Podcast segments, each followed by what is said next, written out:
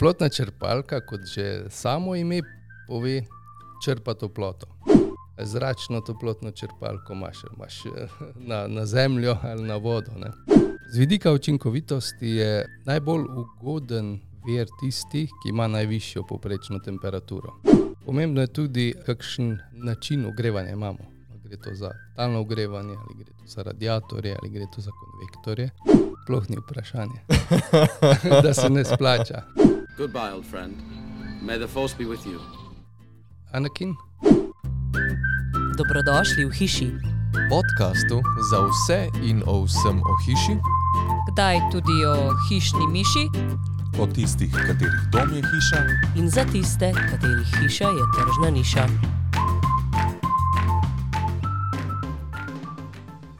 Drage poslušalke in poslušalci, pozdravljeni in dobrodošli v 12. epizodi podcasta Hiša. Tokrat pa sva z vami Aleš Ugovšek in Boris Štrakl, oglašava pa se iz spodnje Savinske doline, konkretno z Gomilskega, saj s hišo gostujeva na sedežu podjetja Kronoterm v hiši, pa gostiva direktorja Kronoterma Bogdana Kronoška. Bogdan, dobrodošel v hiši. hvala lepa in lepo zdrav. Kako si, Bogdan? Super, super. A si zares super? Ja, Aš kar navadno rečejo, da so super, pa so fajn, pa vse. Petek je zunaj sončno, a bi raje bil zunaj. ne, čisto v redu tukaj. Aj čisto redo Čisto tukaj. redu tukaj. No, super, bomo ustvarili eno tako dobro vzdušje, da bomo v takem vzdušju tudi ostali. Sicer pa se bomo v tokratni epizodi z Bogdanom pogovarjali o toplotnih črpalkah, ogrevanju in hlajenju. Razložili bomo, kaj toplotna črpalka sploh je, kako deluje, katere vrste poznamo, za kakšne objekte je toplotna črpalka primerna in še marsikaj drugega. Bogdana na koncu v hišariji čaka zelo zanimiv izziv, ki ga res ne smete zamuditi, še posebej, če ste ljubitelj vojne zvest. Bogdan je sicer direktor družinskega podjetja Kronoterm, ustanovljenega leta 1990, sam pa vodi podjetje od leta 2010. V Kronotermu razvijajo in proizvajajo visokotehnološke naprave za varčno ter okolju prijazno ogrevanje in hlajenje. Podjetje je znano po inovacijah in je pogost prejemnik priznanj za inovacije, je večkratna savinsko-zasavska gazela in bronasta slovenska gazela, ki je leta 2019 razvila najvarčnejšo toplotno črpalko v Evropi Adapt. Ta je hkrati petkrat tišja od konkurenčnih izdelkov, na seznamu nemškega zvezdnega urada pa je med 1176 toplotnimi črpalkami zasedla prvo mesto. Bogdan drži? Drži. Super. Kako je fajn to slišati, če nekdo, nekdo drug povzame te naše uspehe. Lahko to pri marketingu uporabimo. Z veseljem. Bom kar Lahko. nadaljeval v tem stilu. Bogdan sam je univerzitetni diplomirani inženir računalništva in informatike, ki ga odlikujejo natančnost, sposobnost povezovanja ljudi in znanja ter radovednost, s katero išče vedno nove poti za razvoj proizvodov, storitev in lastnega podjetja. Je poročen mož in oče treh otrok, ki uživa v dobri družbi in hrani, rad potuje, spoznava druge dežele in kulture. Že od osnovne šole se ukvarja z modelarstvom, ko ga je navduševalo vse povezano z letenjem. Veseli ga izdelovanje tako jadralnih kot akrobatskih letal, a z njimi ne tekmuje. Pravi, da si je kot otrok želel, da bi bilo njihovo podjetje tako veliko, da bi imeli svoj drog za zastavo. Želje so se mu uresničile, saj imajo danes štiri drugove in še totem. Bogdan, kaj je to totem? To je tista stvar tam, kjer je naš logotip gor in je objekt, poleg, eh, in ni zastava iz blaga, ampak je en uh, velik svetleč znak, ki označuje uh, ime Kronoterm našega podjetja. Je pa Bogdan še ena stvar na novo, ki smo jo danes videli pred Kronotermom. Ena velika raketa, na kateri piše Kronospace. Lahko, prosim, zaupaš anegdoto. Zakaj Kronospace? Greš ste v vesolje s toplotno črpalko. Tako, morda. To raketo so mi izdelali prijatelji na mesto Smreke za moj 40. rojstni dan. Potem je pa tako vrhunsko bila izdelana, pa na njej je pisalo Kronospace, da smo po 40 dneh rekli, ok, škoda bi jo bilo zavreči, da jo postavimo ob podjetje, ker tudi na napis Kronospace nekako sovpada uh, s Kronotermom. In ja, zdaj se veliko krat obiskovalci sprašujejo, ali so prišli prav. A Delamo tukaj toplotne črpalke ali slučajno kaj za vesoljske agencije ali pa rakete in podobno. Bogdan, eno zelo neumno vprašanje. A bi lahko raketo ogreval s toplotno črpalko? Bogdan razmišlja. Očitno je to izziv, miselni izziv Tako. za Bogdana. Glede na to, da je um, v vesolju skoraj absolutna ničla, bi težko uh, pridobili toploto. Zato se greva skozi um, svetlobo sonca, oziroma energijo, ki jo daje sonce. Se pravi, so povsem fizikalne ovire. Tako. Bogdan, potem pa začnimo s temo, pa če smo že začeli nekje v vesolju, gremo nazaj na Zemljo. In te za začetek prosim, če kot za telebane razložiš, kaj je toplotna črpalka. Toplotna črpalka, kot že samo ime pove, črpa toploto. To je ena, ena fina naprava, ki črpa toploto iz nekega nižje temperaturnega nivoja na nek višji temperaturni nivo in na tisti nivo, ki jo potrebujemo. To je v osnovi. In za to črpanje eh, je potrebno neko delo in delček energije. In eh, toplotna črpalka porablja električno energijo ravno za to črpanje, ne pa za samo ogrevanje. Se pravi, osnova je tudi električna energija. Tako za pogon. Seveda poznamo različno gnane toplotne črpalke, ampak najbolj razširjene so električno gnane toplotne črpalke. In kakšen je princip delovanja toplotne črpalke, kako deluje? Toplotna črpalka na eni strani izkorišča, kot sem rekel, črpa toploto iz toplotnega vira, ali je to toplota zemljine, ali je to toplota okoliškega zraka, ali pa to toplota eh, podtalnice, ali pa celo v, v kakšnih industrijskih procesih odpadna toplota. To toploto potem toplotna črpalka skozi karnotov proces črpa na nek višji temperaturni nivo, kakršnega potrebujemo. To 35 stopinj, je to 30, je to 45 za konvektorje ali vse do 70 stopinj za radiatorje. In potem se to da v ogrevalni sistem in ta ogreva hišo, stavbo, stanovanje. Zdaj vse skupaj se sliši zelo enostavno, pa je tako enostavno. V bistvu gre za kar precej komplicirano napravo, ki ima kar, kar nekaj krmilnih enot, da vse tukaj skupaj funkcionira. Imamo procese, kot je uparjanje, kondenzacija, skrb za, za pravilna tlačna razmerja da, in, in uh, električne veličine kompresorja in podobno. Skratka, je precej komplicirana uh, naprava in sistem, ampak mi skrbimo za to, da naredimo enostavno za gradnjo in za uporabo. Se pravi, ni treba stranki ničesar skrbeti, kljub temu, da se sliši zakomplicirano.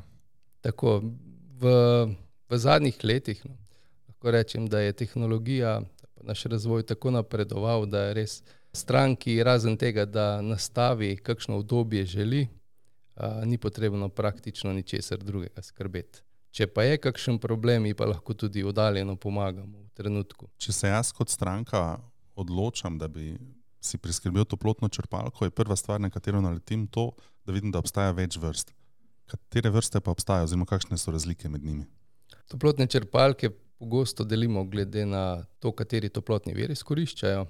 So to zrak, voda, toplotne črpalke, ki so nekako najbolj razširjene zaradi enostavnosti eh, ugradnje. To pomeni, da kot toplotni vir koristijo toploto okoliškega zraka, se pravi, iz tega zraka se črpa toplota za ogrevanje hiše, stanovanja ali stavbe. Potem naprej poznamo toplotne črpalke voda, voda, ki toplotni vir koristijo eh, toploto podtalnice, potem tudi zelo dobri sistemi ali pa dobra toplotna črpalka zemlja voda, ki kot toplotni vir koristi toploto zemljine. Um, tako da to so te tri najbolj um, razširjene vrste toplotnih črpalk, če delimo po toplotnem veru. Potem so še pa uh, delitve glede na namen, ali so to visokotemperaturne, nizkotemperaturne, pa tudi glede na, uh, na samo vrsto uporabe. Gre za to hišno uporabo ali gre za komercialno uporabo, kjer govorimo recimo o močeh od ne vem, 30 kW naprej do 100-150 kW, kjer so hoteli, šole, vrtci in podobno poslovne stavbe.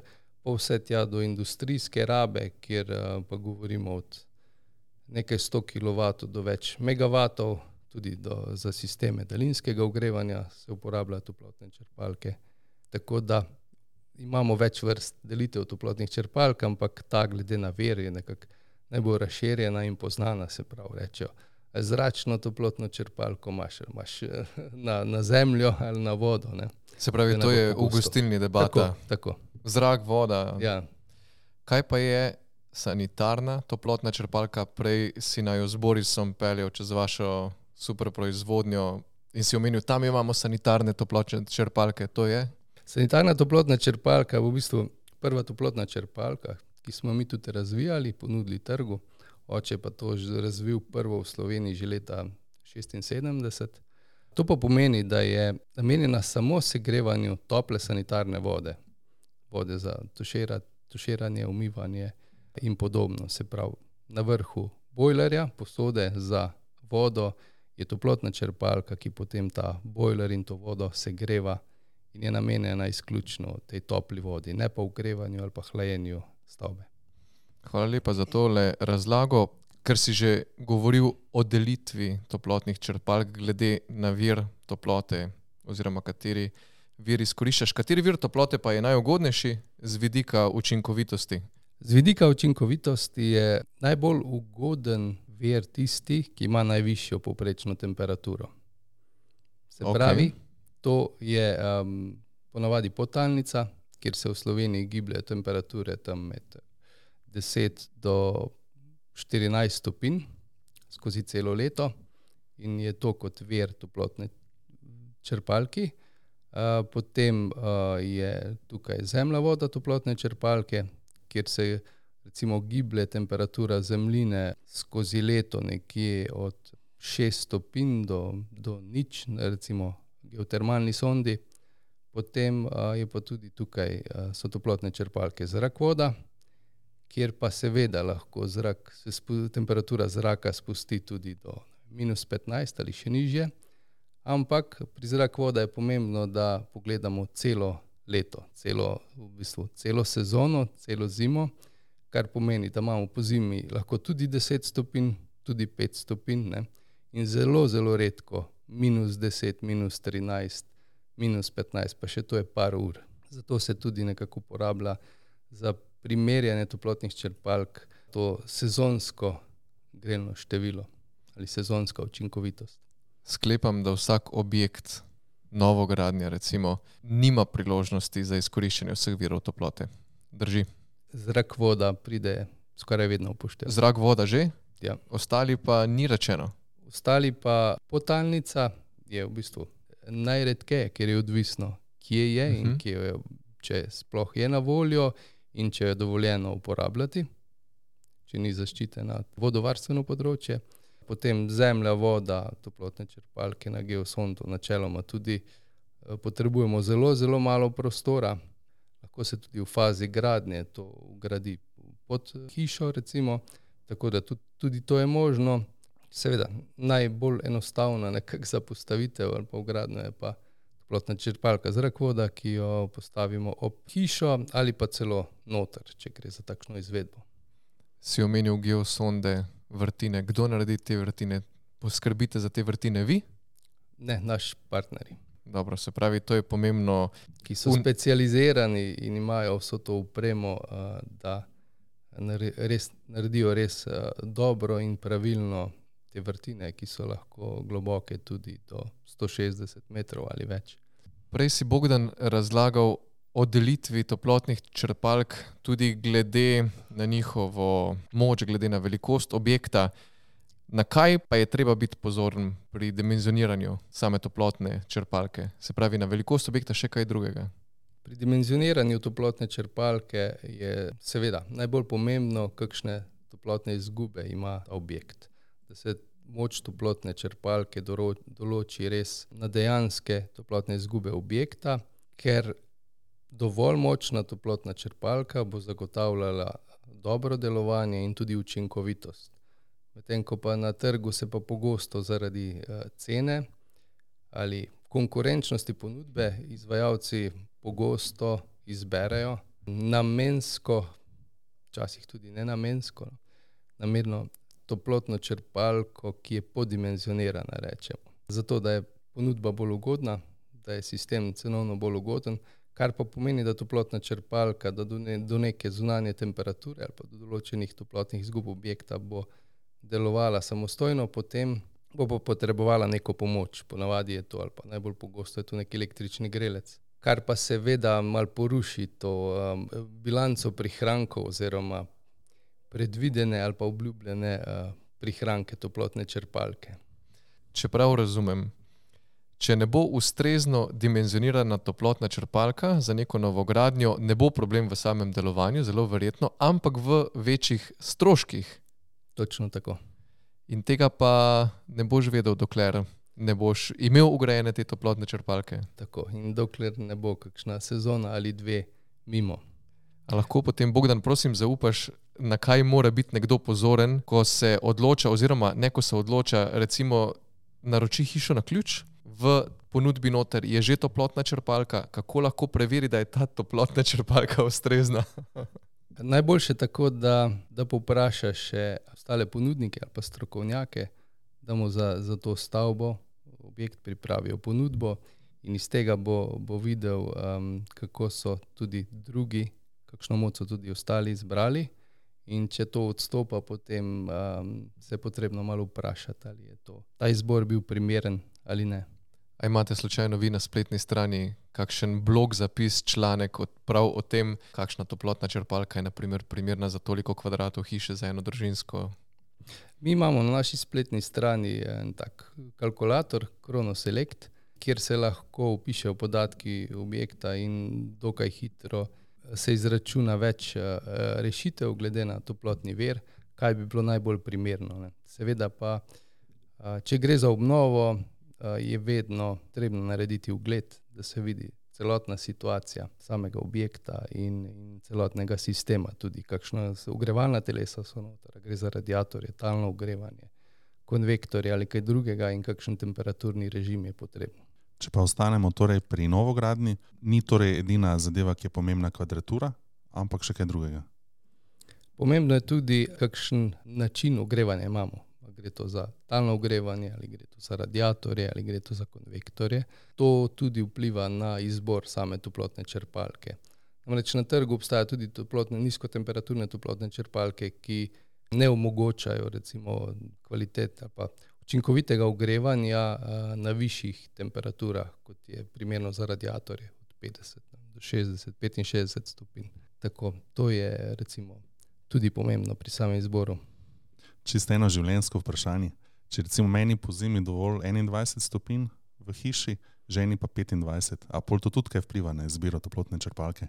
Vsekakor. Boris, To vedno žens, ženske vprašamo, kakšna je želena temperatura v hiši. No, od te zime naprej jih ne boste več spraševali, zato ker bo vse na 21 stopinjah. Bogdan je pa ena zelo pomembna stvar v sami toplotni črpalki, tudi hladiva. Mogoče ne toliko za samega uporabnika, ampak iz vašega stališča, pa tudi iz stališča okolja. Lahko prosim poveš nekaj več o hladivih? Ja, hladiva so mediji, ki se uporabljajo v toplotni črpalki za prenos toplote iz recimo, uparjalnika na, na kondenzator ali pa od toplotnega vira potem na toplotni ponor v ogrevalni sistem. Na trgu obstaja veliko vrst hladiv, tudi glede na samo namembnost. Eni so dobri za bolj za naprave za hlajenje, eni so namenjeni zelo hlajenje za zelo nizke temperature, drugi pa namenjeni za toplotne črpalke. Prva hladiva, freoni, so bila ozonu škodljiva. Zato se je že kar precej let nazaj, mislim, s kjotskim sporazumom, nekako odreklo tem hladivom, čeprav so bila zelo dobra, zelo, zelo učinkovita, in so se potem naredile alternative, ki a, ne škodijo več ozonu, ga ne razkrajajo, imajo pa določen potencial globalnega segrevanja, GVP, a, je oznaka. Zdaj pa nekako naša branža gre še naprej in želi tudi ta potencial globalnega segrevanja, ali pa, um, če povem drugače, ekvivalent CO2, um, nekako uh, znižati tako da bo ta potencial CO2 globalnega segrevanja čim, čim nižje. In sedaj je tudi borba za razvoj novih kladiv, uporab novih kladiv, ki so okolju še bolj prijazna, ampak bolj v smislu globalnega segrevanja, ne pa kakrš, kakšnih drugih škodljivih posledic. Ampak sklepam, da vi razvoja ne delate na hladivih. Razvoj na hladivih izvajajo sami proizvajalci hladiv, vi samo kupite ta hladiva. Točno tako. Zdaj, kladiva proizvajajo razni te giganti iz uh, kemijske industrije, ki tudi nekako diktirajo um, te spremembe ali zaostrene pogoje, saj imajo pač takšno moč in monopol in jim je to v, v čist gospodarskem interesu. Po drugi strani pa zdaj plotne črpalke gredo, pa tehnologije omogočajo če dalje več uporabe naravnih hladiv, pan in še drugih, kjer je pa recimo vsta potencial globalnega segrevanja CO2 ekvivalent zanemarljiv, drugih a, okolju škodljivih posledic tudi nimajo. Edino, kar je pač, da so gorljiva ali a, rahlo vnetljiva, gorljiva ali pa celo eksplozivna. To je pač tisto, kar, kar se pa na, na novo zdaj srečujemo pri uporabi modernih hladiv. Bogdan, v našem podkastu se pogovarjamo o različnih stvarih, ki so povezane s hišo, ampak vedno znova pa pridemo do te teme okolja, kaj je okolju prijazno, da se razvoj giblje v to smer. Se pravi, lahko tudi za toplotne črpalke zdaj rečemo, da so okolju prijazne. Zelo. Že v sami osnovi. Kot sem recimo prej povedal, ne, toplotna črpalka črpa toploto iz okolja, se pravi iz obnovljivega vera energije, je to zrak, zemlja ali voda, v stavbo in potem ta toplota spet počasi uide iz stavbe v okolico. Se pravi, toplotna črpalka ne ustvarja nove toplote in s tem povezanih raznih emisij, kot je to pri konvencionalnih načinih ogrevanja oziroma gorenja raznih fosilnih goriv in na koncu tudi uh, lesne biomase in drv. Ne. Čeprav je nek teoretičen dogovor, da je to CO2 neutralno, ampak v resnici vemo, da ni. Tudi lesna, uh, gorenje lesne biomase oddaja CO2 in, in, in kup drugih uh, še um, škodljivih delcev, PM2, pa pol, pa 10 in podobno. Tako da z tega stališča je toplotna črpalka, če uporabljamo, zelo, zelo koristna in prijazna okolju. Prav tako sama sestava toplotne črpalke, večinoma kovinskih delov, zelo, zelo malo kakšnih plastičnih delov, da je tudi eh, reciklirane toplotne črpalke lahko skoraj um, v celoti omogočeno. Če bi potem toplotno črpalko pokombinirali še z električnim virom preko sončnih elektrarn, je to tista kombinacija, ki je optimalna, ali to funkcionira, ali še ne, ali bo. To je zmagovalna kombinacija. Namreč, če povežemo sončno elektrarno in toplotno črpalko, potem imamo ver, ki poganja toplotno črpalko brez emisij in nekako sami tudi to proizvajamo, in praktično brezplačno ogrevanje, in črpamo toploto iz okolja za ogrevanje. Se pravi, to je zmagovitna kombinacija ko smo že ravno pri sončnih elektrarnah, samo za vse tiste, ki niste poslušali te epizode, četrta epizoda o sončnih elektrarnah in aktualni energetski situaciji z Dejanom Paravanom, priporočamo v poslušanje. In v tej epizodi smo se z Dejanom pogovarjali o tem, ali je nakup sončne elektrarne smiseln. Dejan je bil absolutno prepričan, da to sploh ni vprašanje. Kako pa je s tem pri toplotnih črpalkah, kakšna pa je tu računica, oziroma je računica, kdaj je računica? Sploh ni vprašanje, da se ne splača v vsakem primeru. Tudi to... če nimamo hiše izolirane ali pa če imamo radiatorje in podobno, nakup toplotne črpalke se splača v primerjavi z vsemi ostalimi načini ogrevanja. Če pa, kot že prej omenjeno, povežemo to s sončno elektrarno, imamo praktično brezplačno ogrevanje, ki je okolju prijazno in udobno. Pa je to primerno za vsak stanovanjski objekt, se pravi za novo gradnjo, za eno obstoječo hišo za večstanovanski objekt. Zdajšnja tehnologija toplotnih črpalk dejansko omogoča, da, da je to uporabno povsod. Bodi si za novo gradnjo ali večstanovanski objekt z radiatorji, ali kakšno industrijsko halo, pa na konec koncev tudi za sisteme daljinskega ogrevanja, kot imamo naprimer mesto Šala na Slovaškem, kjer je toplotna črpalka z nekaj več kot 2 MW. Samo korak nazaj se vrnem, da ne zgubim momenta. Tudi Dejana sva vprašala, koliko stane sončna elektrarna, koliko pa stane toplotna črpalka za vse poslušalke in poslušalce. Lahko poveš, glede na kvadraturo hiše, glede na moč, karkoli.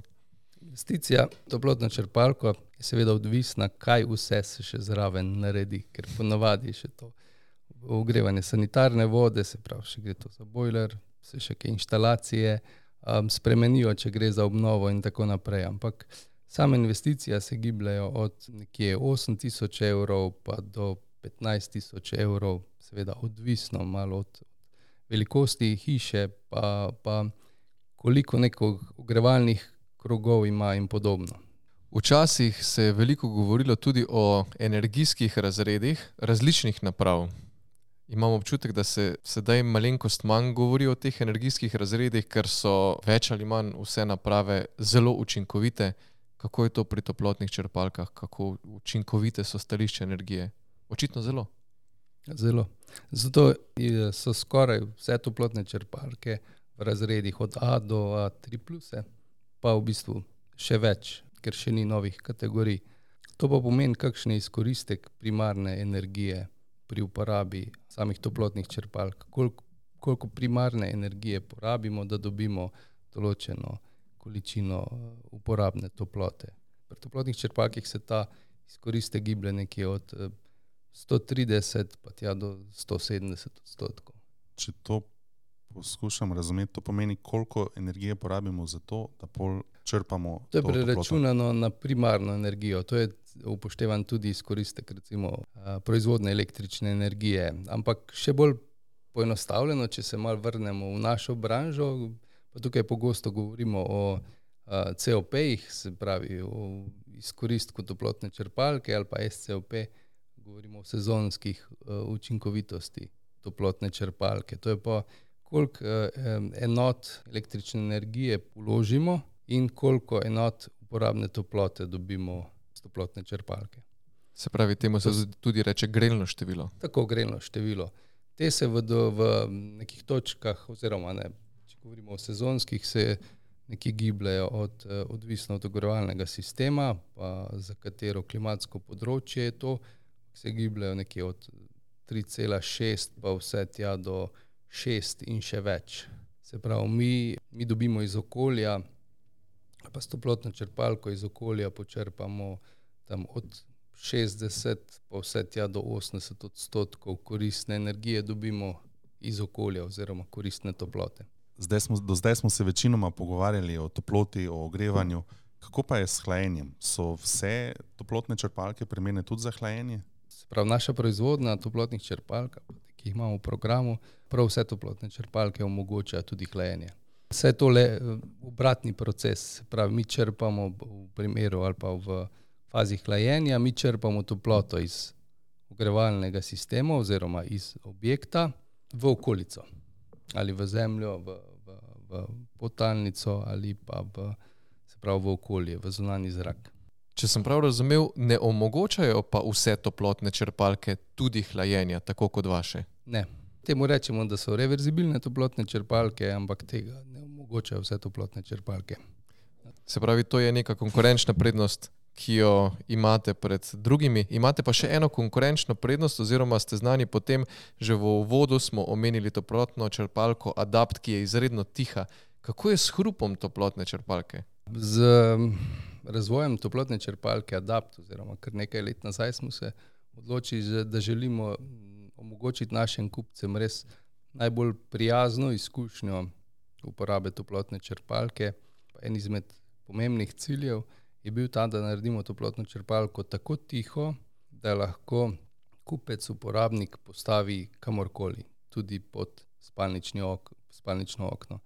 Namreč vse pogosteje se je na trgu dogajalo, pa se še zdaj, da so zaradi vibracij ali pa hrupa kompresorja, ventilatorja toplotne črpalke uporabniki slabe volje nimajo mernega spanca, da pa ne govorim o sporih s sosedi in, in tožbah in podobnem. Zato je bil naš cilj narediti res toplotno črpalko, ki bo ohranila dobre medsosedske odnose, pa uporabniku mirni spanec. In uh, to nam je uspelo doseči tudi s toplotno črpalko Adapt. In uh, to je en od, od, uh, od benefitov, zaradi katerega je res ena najbolj iskanih toplotnih črpalk v Švici in Avstriji, kjer imajo zelo, zelo zaostrene pogoje ugradnje toplotnih črpalk glede hrupa. Bogdan, to si tako lepo povedal, da je bilo kot za kakšen razpis, ko je potrebno noter napisati, kakšni so učinki na lokalno skupnost. Se pravi, da ne jeziš soseda, imaš miren spanec. To posledično vpliva na to, da je delavec boljše volje, bolj naspan, bolj produktiven in še bi lahko nadaljevali. Super. Glede na to, da nam je Bogdan čist prepričal uh, za toplotne črpalke, se pravi, smo odločeni, nabavili bomo toplotne črpalke. Kako, kako pa je potem s tem, kako je z vzdrževanjem, je potrebno, kako to izgleda? Samo vzdrževanje toplotne črpalke strani uporabnika niti nekaj posebnega, pač, da spremlja, kako deluje, če se kakšna motnja pojavi, da potem to javi. Drugače se pa priporoča, da se enkrat na leto ali na dve leti opravi en servisni pregled, kjer se očistijo vsi filtri na, na ogrevalnem sistemu, pregledajo pretok, pretočnost ogrevalnega sistema, potem tudi tlak, ki je dovolj hladiva v, v toplotni črpalki, kako tudi delujejo ostali aktuatorji in, in senzori toplotne črpalke, zato da kot toplotna črpalka res uh, vse čas deluje v optimalnih ali pa predvidenih pogojih. Bogdan, pa še morda eno vprašanje za zaključek tega dela, ker nismo prav veliko govorili tudi o samih prenovah, pa recimo, da prenavljamo nek objekt v mestu, kjer ni veliko okolice, da bi postavili zunanjo enoto. Kako v tem primeru ugraditi toplotno črpalko? Ali je sploh možno? Če govorimo, kar se tiče mest, seveda, prvo je, če imajo nek sistem daljinskega ogrevanja, je, da se razmisli, kako bi ta sistem daljinskega ogrevanja lahko naredili bolj okolju prijazno, oziroma ga napajali z okolju prijaznim načinom ogrevanja. Ne. In se recimo že na ta sistem daljinskega ogrevanja priklopi toplotne črpalke. Če pa to ni mogoče, pa obstajajo tudi toplotne črpalke ali pa izvedbe za notranjo postavitev, tako da se to potem postavi, bodi si v stanovanje, eh, kakšno klet, garažno, če imamo kakšno podkleteno garažo in podobno. In so tudi te dovolj tihe. Tako. In tudi to ste razvili. Tudi to. Super. Torej imate celosten asortiman za vsakega kupca, uporabnika, ki je željan toplotne črpalke. Točno tako. Najlepša hvala, Bogdan. Odličen tale vsebinski del pogovora. Povzamem nekaj stvari, ki sem si jih zapomnil.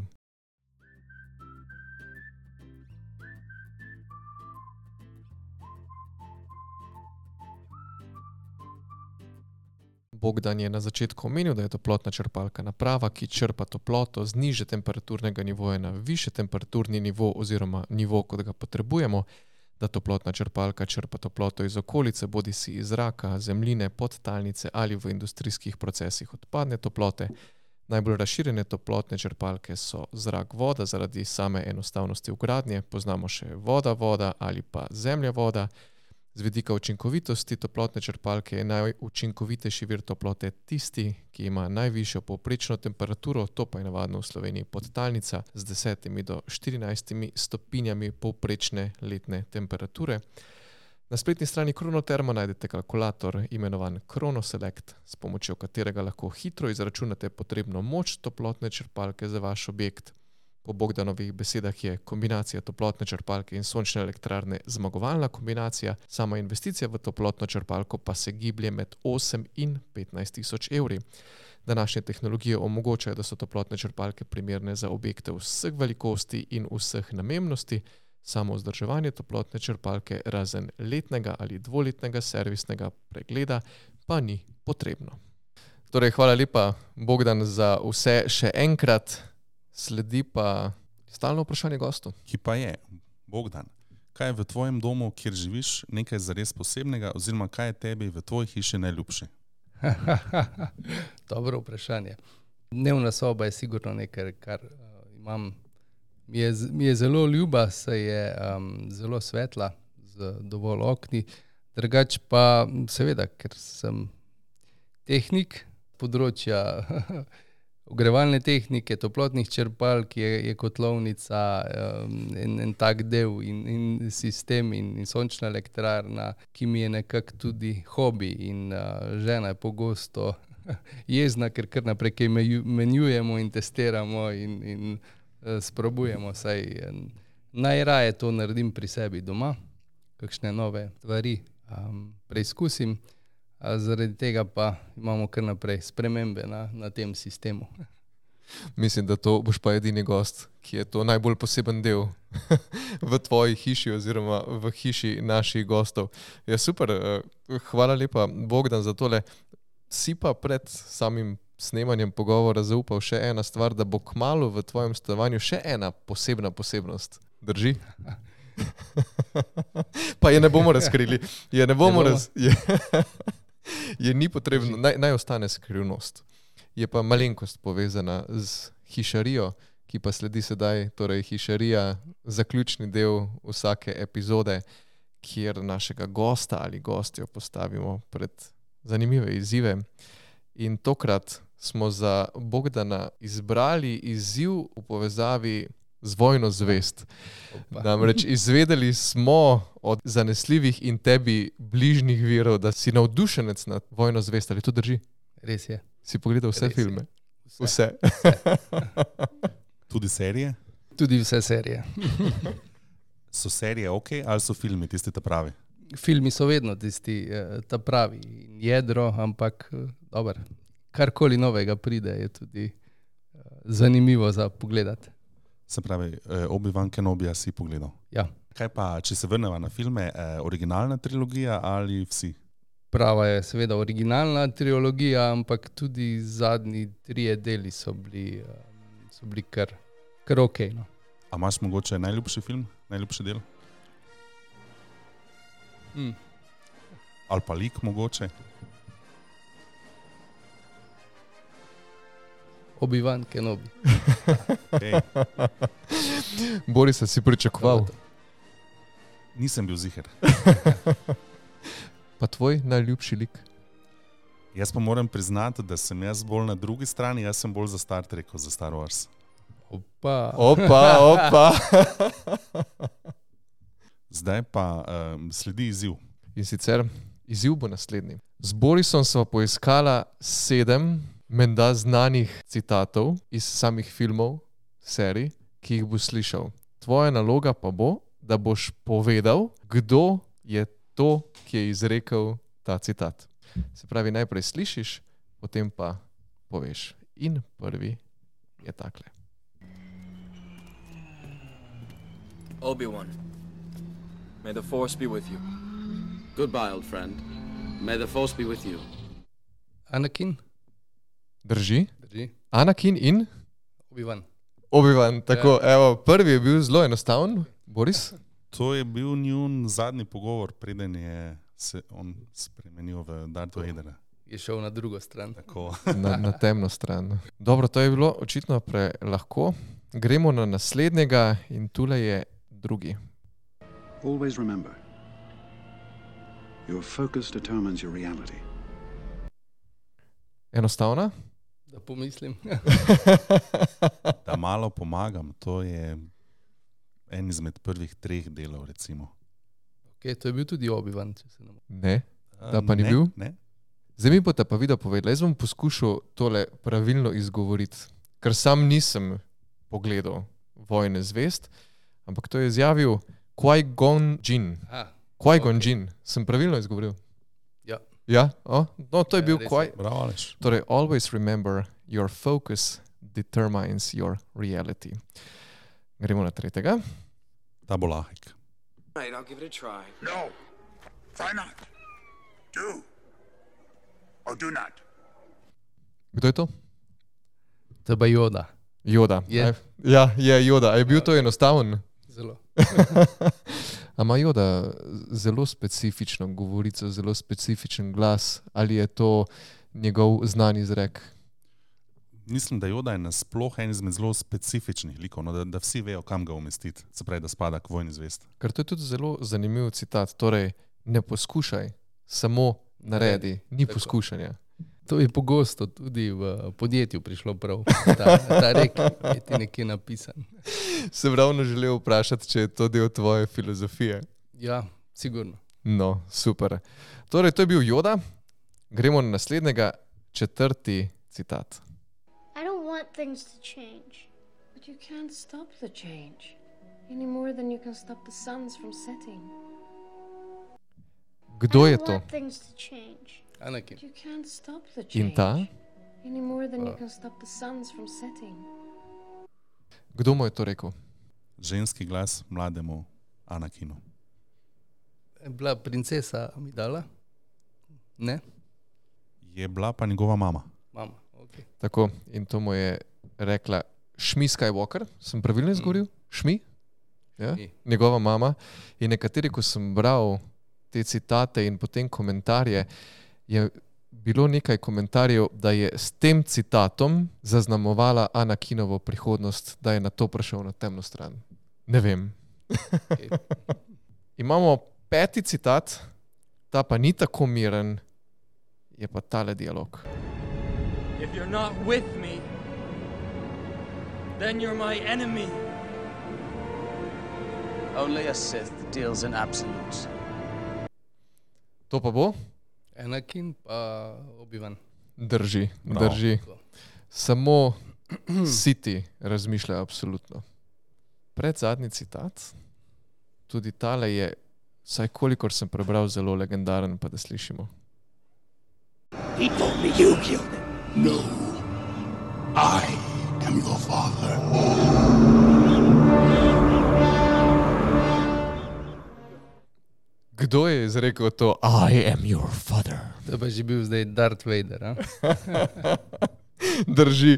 To je bil Darth Vader in Darth Vader je komu to rekel? I am Luku. Luku. Tako je za vse nepoznavalce vojne zvest. Darth Vader, prej Anakin, je oče Luka. To je bilo popolnoma novo spoznanje za me. In sedaj še sedmi citat, če temu lahko rečemo citat, morda bo najtežji ali pa najlažji, pa ga poslušajmo, kako gre.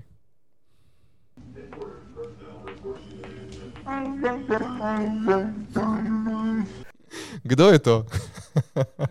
Čubaka. Čubaka. Res je. Lahko razložite, kdo je Čubaka?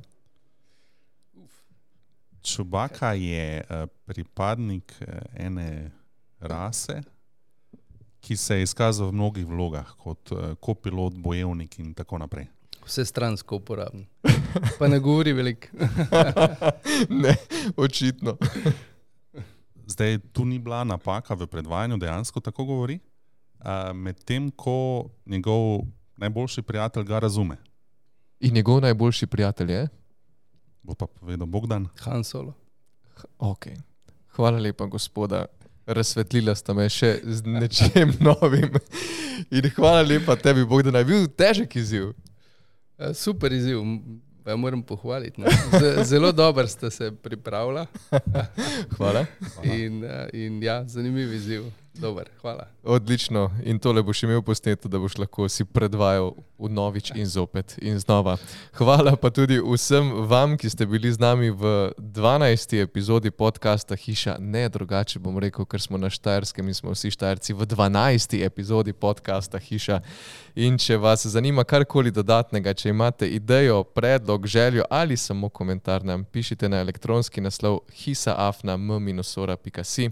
Odzvali se vam bomo neposredno preko maila in pa informacije delili tudi v naslednjih epizodah.